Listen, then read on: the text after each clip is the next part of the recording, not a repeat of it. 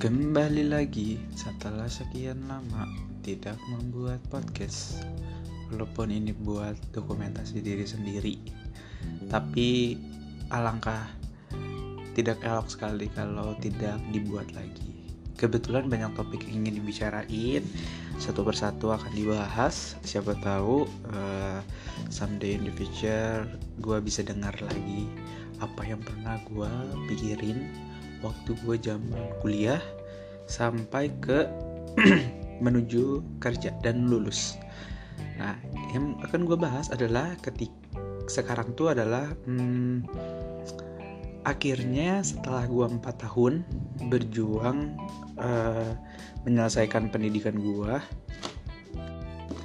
menyelesaikan pendidikan gue gue akhirnya lulus dari Maranatha jurusan akuntansi di mana uh, eh, gue lulus tepat waktu sesuai dengan timeline uh, dengan IPK yang menurut gue sangat memuaskan walaupun nyaris sekali cum laude gue beres juga skripsi gue puas sekali uh, dengan variabel-variabel yang susah dan uh, dapat menguji yang agak-agak ya walaupun agak-agak uh, namanya Bu Setin dia yang pertama kali menyambut gua di semester 1 tepatnya di uh, akuntansi pengantar 1 dan dia juga menjadi penutup gua ada di kampus. Sungguh sangat menyenangkan sekali ketika gua uh, diawali dengan dosen yang killer dan ditutup pun dengan dosen yang killer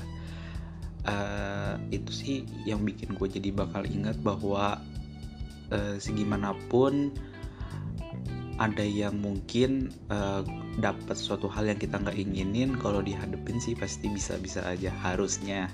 Dan dipersiapkan dengan matang-matang. Jadi sekarang tuh gue bakal ceritain perjalanan gue selama 4 tahun. Uh, dari awal tuh semester 1 gue tuh sebelum masuk uh, Maranatha gue tuh sempat masuk bukan masuk sih gue tuh masuk di Unpar tapi tidak masuk di jurusan yang gue inginkan. Jadi uh, gue tidak mengambilnya. Dan yang kedua gue masuk di uh, Universitas Pendidikan Indonesia. Event itu negeri tapi karena satu dan lain hal uh, pada akhirnya kita milih. Maksudnya kita tuh gue dan orang tua karena orang tua yang membayarin gue jadi uh, deal-dealannya untuk masuk ke Maranatha. Walaupun karena karena ini sih kalau nggak salah pertimbangannya itu adalah harganya itu nggak nggak beda jauh dari harga di UPI. Jadi daripada daripada bayarnya nggak beda jauh tapi fasilitasnya di Maranatha lebih edan mungkin menurut gue lebih edan ya uh, jadi lebih worth aja kalau misalnya untuk masuk Maranatha nah dari situ baru deh gue masuk. Dari teman SMA gue tuh nggak banyak yang masuk ke Maranatha.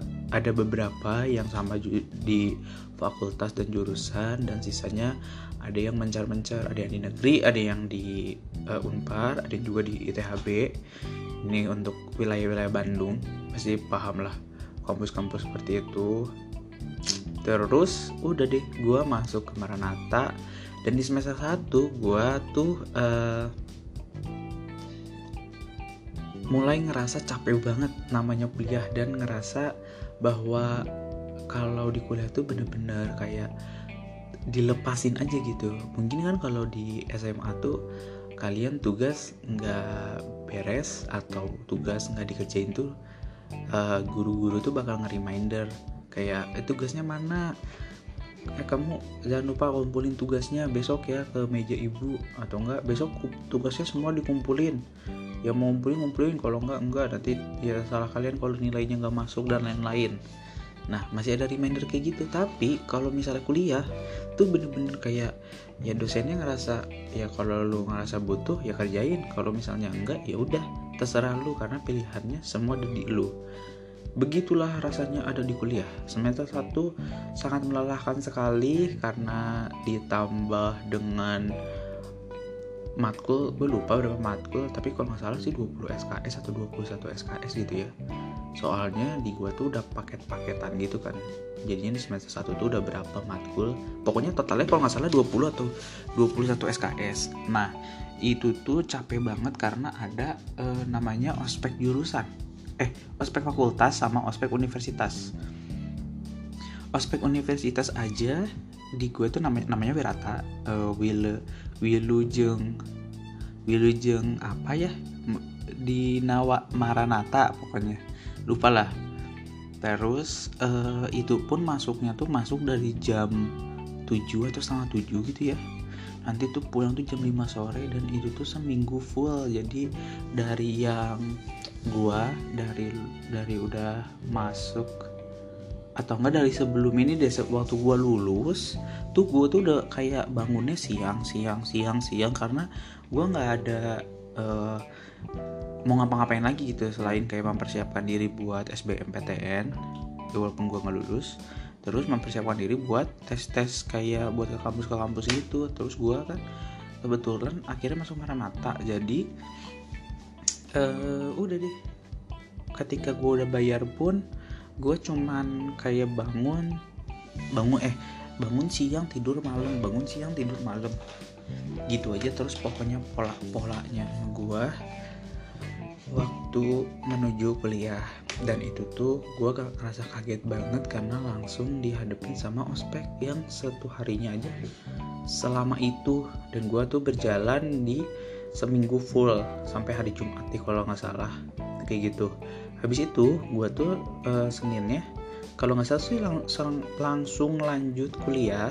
Udah mulai kuliah dan itu pun udah Sabtunya Sabtu minggu depannya tuh udah mulai ini apa namanya ospek fakultas masih kayak day nolnya gitu loh. Apa aja yang harus dipersiapkan apa aja yang harus dibawa apa aja yang harus yang harus yang harus yang harus lah pokoknya.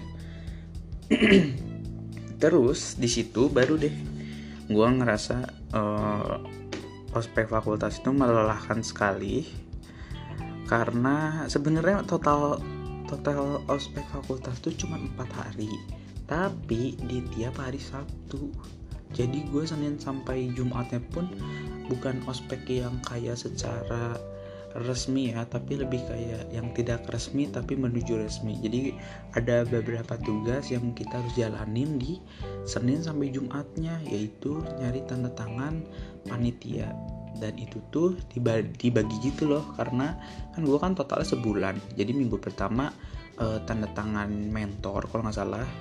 Eh iya minggu minggu satu tanda tangan mentor minggu kedua tanda tangan uh, himpunan minggu ketiga tanda tangan panitia gitu. Itu bener-bener capek banget dan itu sambil berjalan dengan kuliah. Untungnya uh, di situ masih kayak teman banyak banyak banget yang kayak saling berbagi informasi kayak uh, habis kalau yang kelas silahkan kelas dulu aja. Nanti kayak gantian yang lagi nyari tanda tangan ngasih tahu nih oh kakak ini ada di ini kakak ini ada di ini ya kayak gitu. Jadinya lumayan cepat dan untungnya keburu semuanya pada beres. Hmm, kalau fire kalau di gue nama ospeknya adalah fire. Hmm, tidak ada yang menarik sih. Bukan gak ada yang menarik sih uh, ya gitu-gitu aja ospek rasanya. Tapi lebih better sih. Mungkin ya gue ngerasanya. Better banget. Terus gue ngerasanya bahwa di awal-awal gue uh, apa namanya? Awal-awal ada di kampus setelah fire tuh uh, apa ya? Rasanya ya udah aja. Di fire pun pasti banyak yang cantik-cantik ada tapi nggak ada yang kayak se wah gue pengen sepengen itu sih kayak gitu. Malah waktu gue ospek universitas karena itu kan ngegabung sama beberapa banyak banget ini ya apa namanya hmm, fakultas. Jadi gue bisa ngelihat dari fakultas kedokteran lah eh, dokter gigi psikolog terus ada DKV bukan DKV sih FSRD FSRD ada teknik kayak gitu kan. Jadi kan gue lebih banyak, banyak banget yang ngeliat kiri kanan atas bawah kayak gitu. Terus ya udah deh lanjut ke fire. Di fire juga ya udah gitu aja. Uh, terus gue melanjutkan untuk kuliah seperti biasa. Dan pada akhirnya gue mengikuti yang namanya organisasi yaitu himpunan gue dari SMA nggak pernah banget uh, ikutan organisasi kan gue ngerasa ih ngapain sih ikut organisasi uh, kalau untuk SMA mungkin gue ngerasanya organisasi di SMA tuh cuman hanya sebatas kaki tangan guru doang yang merasa bahwa mereka tidak memiliki suara yang layak untuk berada atau untuk menyatukan diri dengan siswa. Tapi kalau misalnya untuk uh, di kampus gue ngerasa ini bener-bener buat diri sendiri gitu loh. Bener-bener uh, apa yang bisa di achievement di sana bakal bener-bener bisa dipakai buat ketika nanti lulus kah? Atau enggak nanti melakukan sesuatu sebelum maksudnya waktu melakukan sesuatu waktu kuliah dan mereka tuh menjadi koneksinya kalian. Gitu sih. Yang bener-bener gue tangkap banget terus dari yang banyaknya ikut himpunan ternyata untuk jurusan gue tuh cuma tinggal sisa berapa ya? 13-15 tinggal sisa segitu dan gue tuh dari komplotan gue tuh cuma gue sendiri yang bener-bener maju. Karena uh, awalnya gue tuh sebenarnya nggak akan maju karena teman-teman gue juga nggak ada yang maju.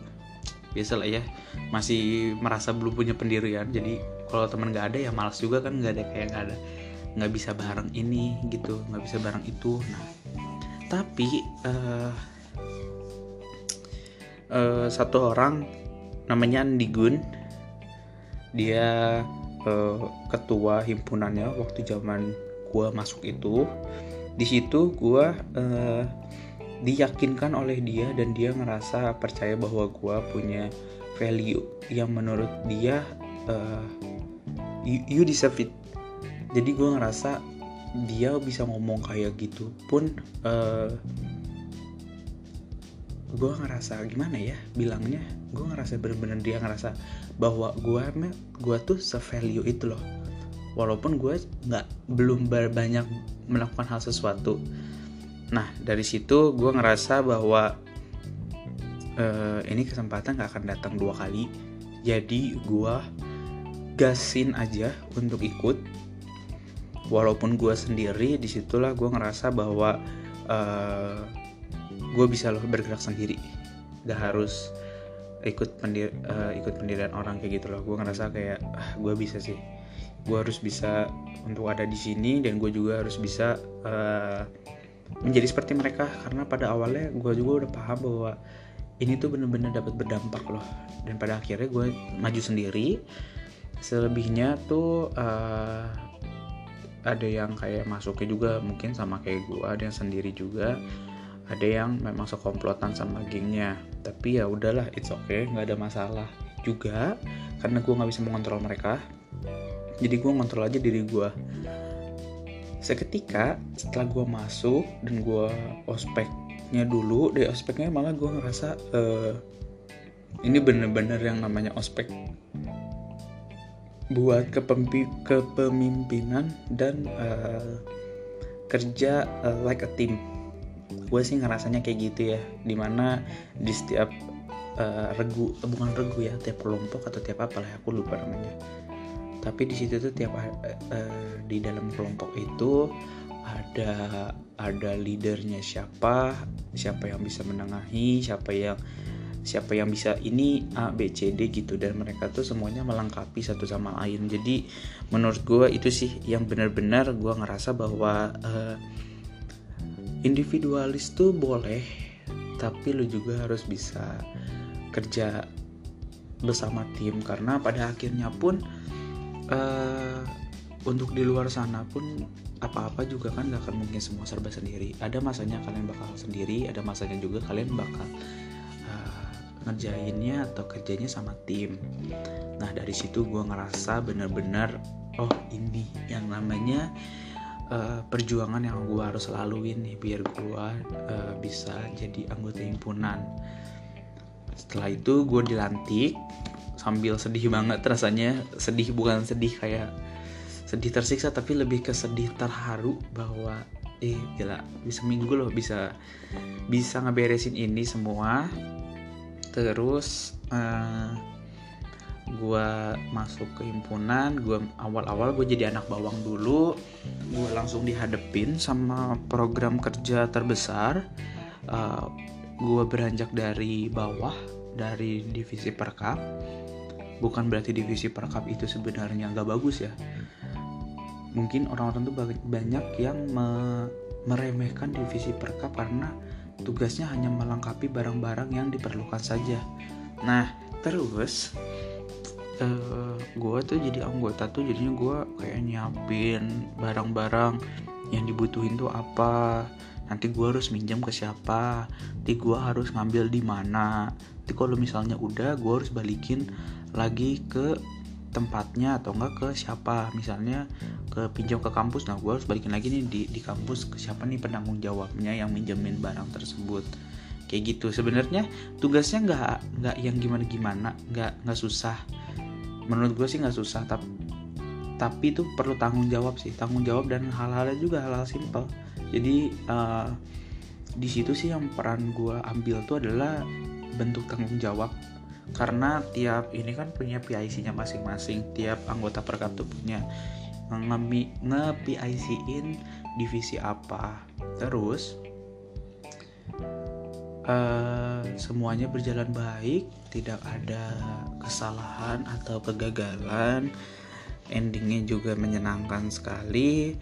Dikoordinir juga dengan uh, tim leader yang bagus Bagas dan KR uh, shout out to you.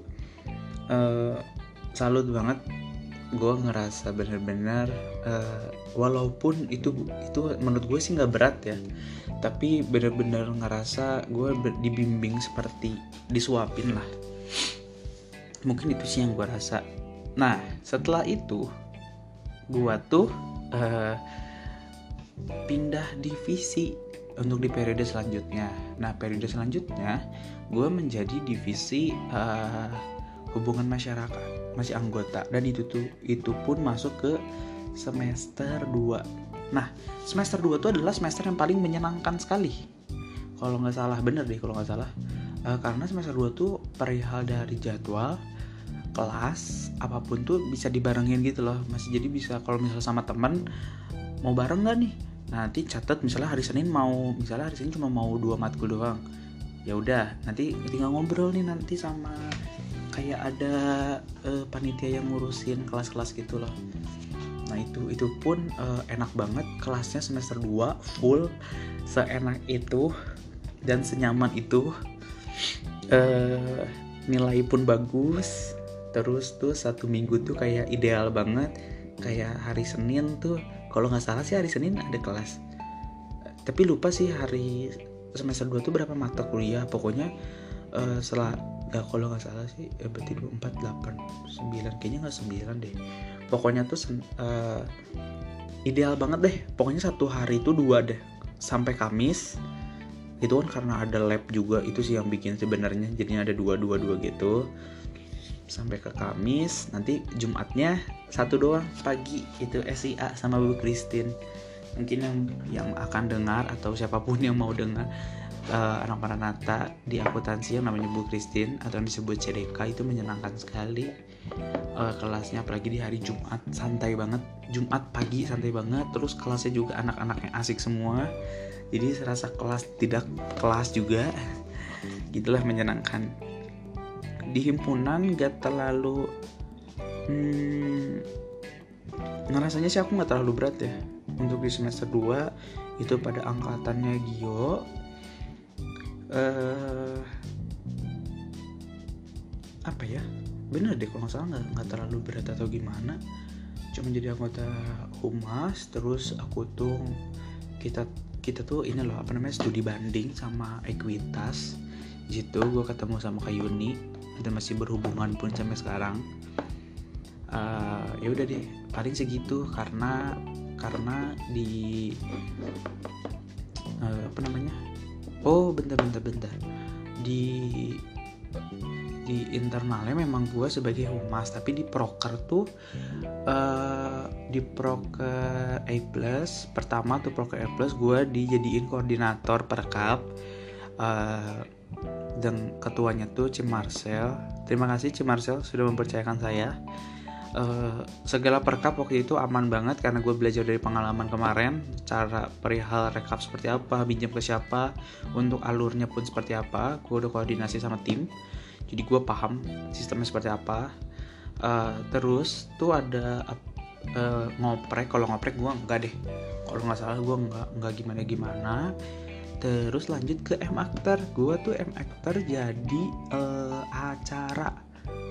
Kalau nggak salah acara gue nge MC sekali. Sekali itu dua kali lah ya. Gue lupa di situ MC pertama kali gue kocak banget. Gue ngerasanya karena gue multifungsi aja semua bisa. Tapi terima kasih uh, Kasela dan Bundo Yohana yang sudah mempercayakan saya sebagai di acara jadi anggota Terus udah deh karena pada waktu itu angkatannya gitu cuma sama periode karena perubahan dari Maranatha untuk satu periodenya tuh jadi yang asalnya startnya Juli ke Juni jadi sekarang jadi jadinya Desember ke eh Januari ke Desember jadinya mereka cuma setengah periode. Nah abis itu kita lanjut angkatan kita yang megang himpunan. Nah ini nih mulai ada yang hal-hal yang melelahkan. Gua di bulan Januari akhir kalau nggak salah baru di, dikasih tahu uh, bahwa gua tuh oh awalnya tuh gua ditaruh di divisi uh, apa ya namanya tuh? Uh, eh, LO kalau nggak salah. Divisi LO untuk uh, program kerja makaroni. Nah makaroni itu program kerja yang paling besar di himpunan kami terus uh, eh, gue nggak paham apakah uh, satu angkatan gue ngerasa bahwa gue tidak sevalue itu atau gimana. Mungkin uh, karena orang pun tidak banyak jadinya dan ngerasa gue tidak sekompeten itu mungkin ya. Jadi gue ditaruh di LO nah sampai suatu saat uh, senior kami bilang bahwa kalau lu naruh si Valen doang di LO mah lebar banget dia pasti masih bisa di, di yang lain. Nah dari situ gue dicemplungin ke sponsor. Uh, di situ gue buta banget sponsor atau apa dan tim pun gue nggak tahu. Gue langsung diajarin sama senior senior hmm, dan gue langsung apa apa gue tanya dulu gimana caranya penyampaiannya gimana apa yang harus dikejar targetnya siapa aja dan kalau misalnya gagal seperti apa. Nah ini adalah hal yang paling menarik buat gue karena ini bener-bener challenging banget dengan waktu yang mepet. Terus uh, sampai sekarang tuh gue selalu ingat banget yang dikatainnya Cidep atau nggak Filbert bahwa uh, kalau lu gagal di sponsornya ke satu. Gak usah ngedang karena masih banyak sponsor di luar sana yang bisa lu datengin. Dari situ gue uh, inget banget kata-kata itu sampai ketika gue dipercayakan sebagai sponsor lagi gue ngata ngatain hal yang sama kayak gitu ke anak-anak gue waktu itu anak-anak gue bener-bener uh, buta banget karena gue juga buta. Gue cuma bisa ngajarin sebisanya aja. Hmm, ya gue juga tidak menjadi leader yang baik karena awal banget. Tapi uh, gue ngerasa bahwa proses tuh benar sih ada ada ada aja gitu proses tuh nah mungkin sih selebihnya mungkin awal ini tuh gue ngerasa tidak maksimal banget sih. Secara leader ya. Tapi uh, eh, gue selalu mengusahakan bahwa anak-anak gue tuh tidak merasa terbebani untuk melakukan pekerjaannya akan selalu have fun akan deadline-nya. Jadi uh, apalagi gue seba semuanya di planning dan di manajemen time management yang baik juga. Jadi mereka tidak kewalahan dan lain-lain itu sih mungkin tapi pasti ada aja lah plus minusnya dari cara gue memimpin. Nah di saat yang bersama juga gue tuh dipercaya sebagai yang asalnya gue anggota humas gue dipercaya sebagai koordinator divisi sumber daya manusia. Gokil nggak tuh? Gue jadi divisi yang harus ngelit bukan ngelit sih lebih kayak menghangatkan semuanya. Tapi pasti ada aja pro kontranya lah. Ada yang pasif ada yang aktif. Ya begitu ada susah minus. Ya ada susah dan gampangnya. Uh, even teman-teman gue bilang gue berhasil gue merasa itu gagal. Karena standar yang bikin standar yang gue tetapin juga lumayan tinggi. Mungkin gue ngerasa kalau misalnya gue bisa ngelit sama mereka bener-bener sih uh, itu yang bener-bener gue ngerasa gue puas banget nih sama hasil kerja gue tapi ternyata tidak. Uh, tidak semudah itu karena pasti karena banyak kepala ya karena sebanyak kepala itu tidak bisa semua disatukan. Hmm, itu tuh di 2000 berarti 2017 2018 uh, eh 2019 itu tuh 2019 di semester Januari sampai ke Juli nah seperti itu. Sampai makaroni aja. Habis itu udah aja. Kita lanjut lagi ke uh, lanjut lagi ke apa ya? Oh iya selan periode setengah periode. Eh bener bener bener. Tinggal sisa setengah periode lagi. Nah tinggal sisa setengah periode lagi gua tuh uh, jadi oh, gua tuh ikut di panitia ospek fire dan gue sebagai divisi komisi disiplin. Jadi wakil uh, karena satu dan lain hal jadi gue harus ditarik di komdis. Lalu uh, susah sekali untuk menjaga profesionalitas perihal uh, posisi gue sebagai komisi disiplin dan posisi gue juga sebagai mahasiswa dan posisi gue juga sebagai uh, anggota di himpunan. Nah karena gue memegang tiga karakter yang berbeda dan orang-orang yang bekerja sama gue tuh paham gue tuh karakter seperti apa. Jadi kadang ada aja yang bocor bahwa uh, ini uh, kalau misalnya ada di kelas yang bilang ini kak Farhan galak banget ya. Nah dia ada mentornya. Mentor kalau misalnya teman gue pasti bilang enggak itu mah memang lagi kayak gini aja. Sebenarnya mah dia kocak banget orangnya. Nah kayak gitu. Jadi uh, mungkin itu sih yang menurut gue tidak bisa diprofesionalitas sekali bahwa gue tuh kan punya job desk di fire ini dan gue juga punya job desk di tempat lain gitu. Jadi tolonglah harusnya. Tapi ya udah terjadi juga. Gue nggak bisa ngapa-ngapain. Habis itu uh, ya udahlah fire seperti biasa uh, tidak ada yang menarik. Gue juga ngerasanya biasa-biasa aja. Uh, lumayan banyak juga sih yang masuk ekonomi waktu itu ya. Rame juga karena uh, gaya kepemimpinan baru dari Senat. Jadi lebih asik aja lah. Habis itu udah deh lanjut ke ngoprek. Ngoprek gue jadi MC Tertim terbalik sekali dari gue yang komdis tiba-tiba jadi MC habis itu aneh banget itu adalah ketika gue ngejadi MC nge MC-in orang-orang yang ma yang udah gue aspek sebagai gue komdis jadi kan agak mereka ngerasa kayak agak aneh. Terus gue juga ngerasanya agak aneh gitu tapi ya udah aja lah. Uh, abis itu ya udah lanjut ke emakter emakter gue jadi sponsor. Gue berempat sponsor sama Wayan Bana sama Jesse. Lumayan deh kalau nggak salah dapat ini tuh. Cuman minusnya tuh adalah air minum deh kalau nggak salah. Minum tuh udah habis banget sponsornya nggak kedapetan tapi ya udahlah. Udah rezekinya. Uh, untuk ke um, untuk aman. Habis itu gua tuh ke hmm, udah deh kalau nggak salah. Udah terakhir itu di Emactor iya ya bener-bener di Emactor Emactor juga berhasil. Dan itu adalah di eh, dan itu adalah program kerja terakhir gue sebelum gue meninggalkan himpunan karena gue sudah memutuskan untuk tidak uh, lanjut di ke senat lanjut ke senat. Nah sebenarnya gue udah ditawarin untuk ke senat. Mau nggak masuk senat? Kayak gini gini gini. Nanti gue kerja di sana seperti apa uh, gue di divisi apa kalau misalnya gue masuk program kerja gue program kerjanya apa. Nah gue udah dikasih udah dikasih kayak gitu tapi gue menolak bukan karena gue nggak mau tapi gue udah punya plan ke depannya mau apa. Karena pada waktu itu gue uh, ngebet banget pengen punya feels baru untuk berada di berkecimpung di uh, part-time part-time di luar kampus.